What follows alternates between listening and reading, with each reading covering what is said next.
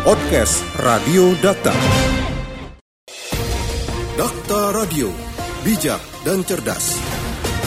Jalur sepeda khusus road bike yang disediakan oleh Pemprov DKI Jakarta di Jalan Layang Nontol atau Jalan T Kampung Melayu Tanah Abang. Ini diprotes oleh pesepeda lain. Pasalnya jalur tersebut tidak bisa dilalui oleh sepeda biasa dan hanya berjenis road bike saja yang diperbolehkan melintasi jalur sepeda khusus Jalan Layang Nontol atau JLNT di Kampung Melayu Tanah Abang. Lantas apakah ada diskriminasi penggunaan jalur sepeda untuk di wilayah DKI Jakarta. Kami sudah terhubung bersama peneliti Puskapkum Pusat Kajian Kebijakan Publik dan Hukum Ferdian Andi. Dokter Radio, bijak dan cerdas. Assalamualaikum, selamat siang Mas Ferdian. Assalamualaikum warahmatullahi wabarakatuh, Mas Ibnu, selamat siang. Selamat siang. Mas Ferdian, ini jalur sepeda khusus road bike di DKI Jakarta, khusus jalan road bike tidak bisa sepeda lain. Apakah ada diskriminatif, Mas Ferdian? Ya, kalau membaca ketentuan yang yang ada dalam uh, apa namanya yang disampaikan oleh Pemda DKI, tentu ini jelas-jelas diskriminatif karena sudah bicara soal uh, jenis begitu ya, jenis kendaraan atau jenis sepeda yang modelnya adalah road bike dengan asumsi kecepatan lebih cepat dan seterusnya.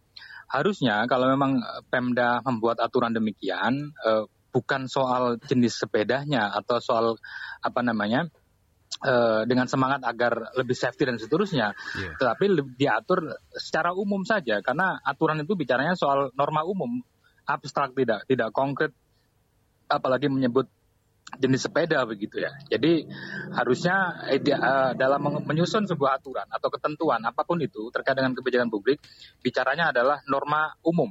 Yeah. Tidak bicara soal spesifik jenis kendaraan misalnya tapi lebih kepada bagaimana misalnya meningkatkan safety keamanan bagi pesepeda yang melintas di JLNT. Itu opsi kalau, kalau memang masih memaksakan diri JLNT bisa dilewati oleh sepeda.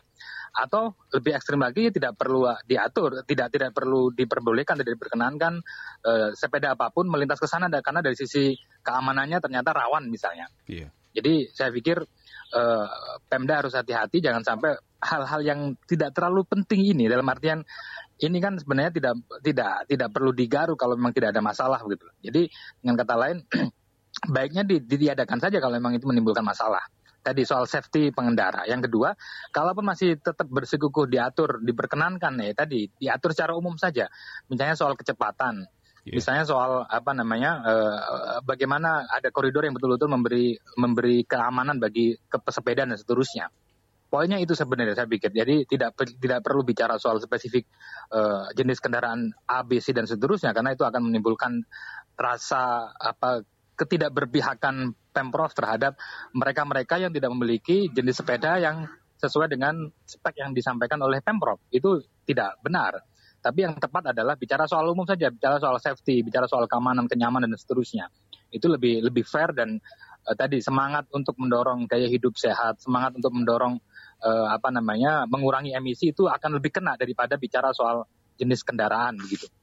Iya, ini kan tentunya dari kasus uh, sepeda road bike kemarin yang melintasi jalur sepeda jalur motor umum ataupun jalur yang bukan uh, khusus pesepeda. Ini apakah dengan uh, diberlakukannya road bike di JLNT ini akan tentunya pengendara sepeda road bike patuh terhadap peraturan ini ataupun mungkin nantinya road bike sendiri juga akan masuk karena kita tahu sendiri uh, bisa dibilang ada kekhususan uh, mungkin tingkat uh, kemampuan seseorang atau finansial seseorang ini Mas Ferdian.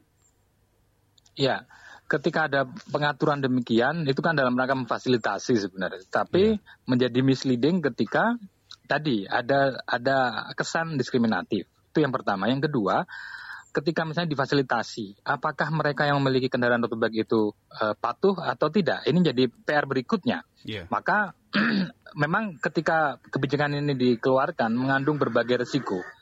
Maka untuk meminimalisir resiko itu ya tadi baiknya ditiadakan saja karena dari sisi penegakan aturannya relatif agak sulit dilakukan karena memang kondisinya JLNT. Yeah. Beda dengan uh, di jalur jalur yang datar flat misalnya.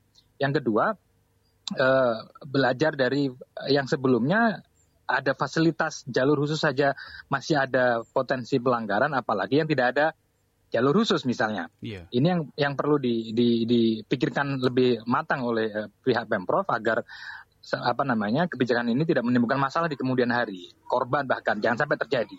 Maka baiknya uh, tidak perlu diatur dengan kata lain dilarang sekalian gitu, karena memang uh, menimbulkan masalah. Ataupun kalaupun diatur tadi betul-betul pastikan fasilitasnya memang memenuhi layak. Yang kedua jangan ada kesan kebijakan yang menganamaskan pengendara tertentu. Itu yeah. jangan boleh terjadi karena semua orang punya hak yang sama bahwa ada titik eh, apa pacu yang berbeda ketika jalan itu dengan jalur biasa.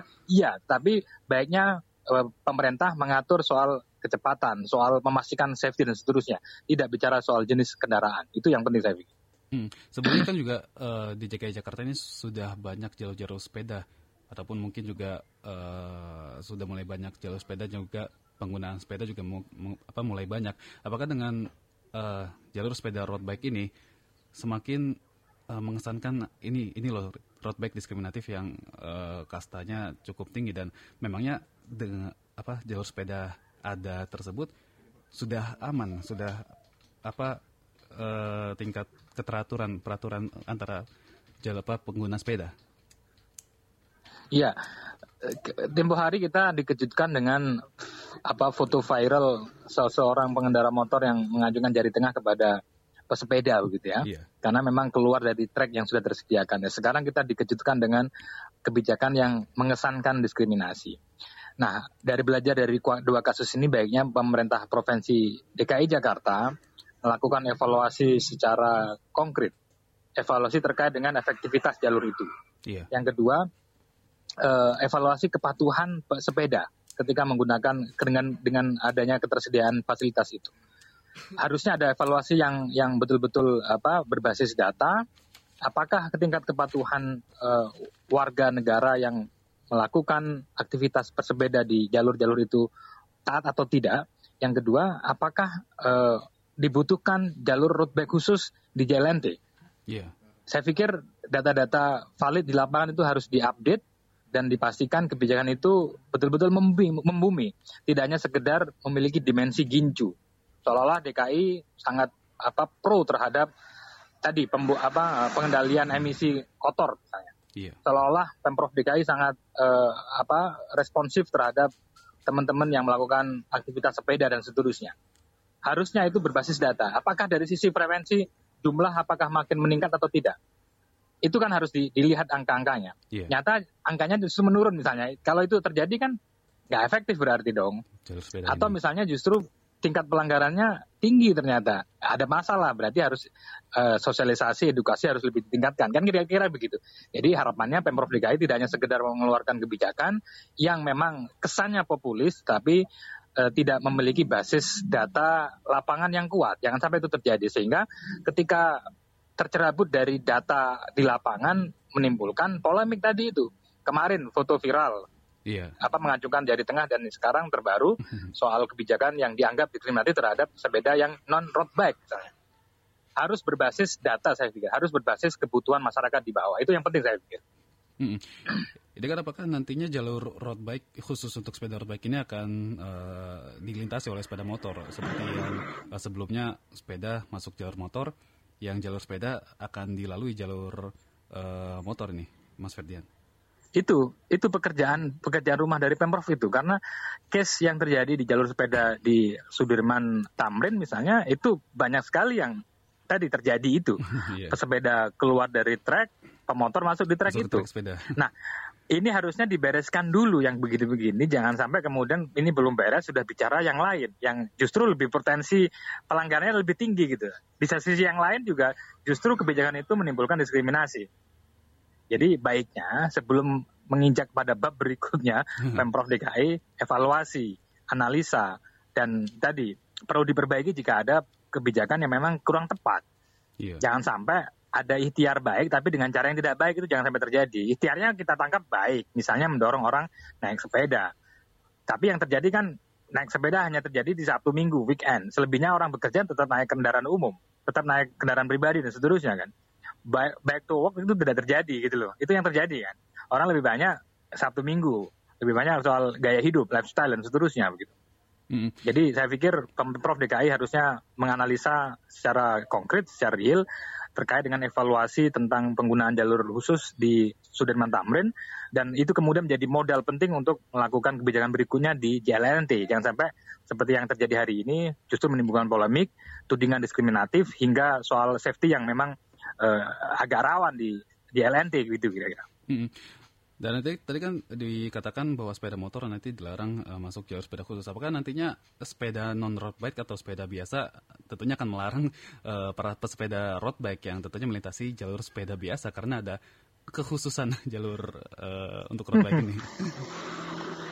ya itulah kalau kalau kalau tidak kalau kalau apa namanya pengaturan yang kemudian menimbulkan sisi diskriminasi yeah. pada akhirnya orang ada ada kesan ke sana. Meskipun ya nggak boleh terjadi lah begitu. Ini negara hukum nggak boleh apa toh itu fasilitas negara bukan fasilitas kelompok-kelompok tertentu. Jadi ini fasilitas publik semuanya harus memiliki akses yang sama dan diperuntukkan sesuai dengan peruntukannya.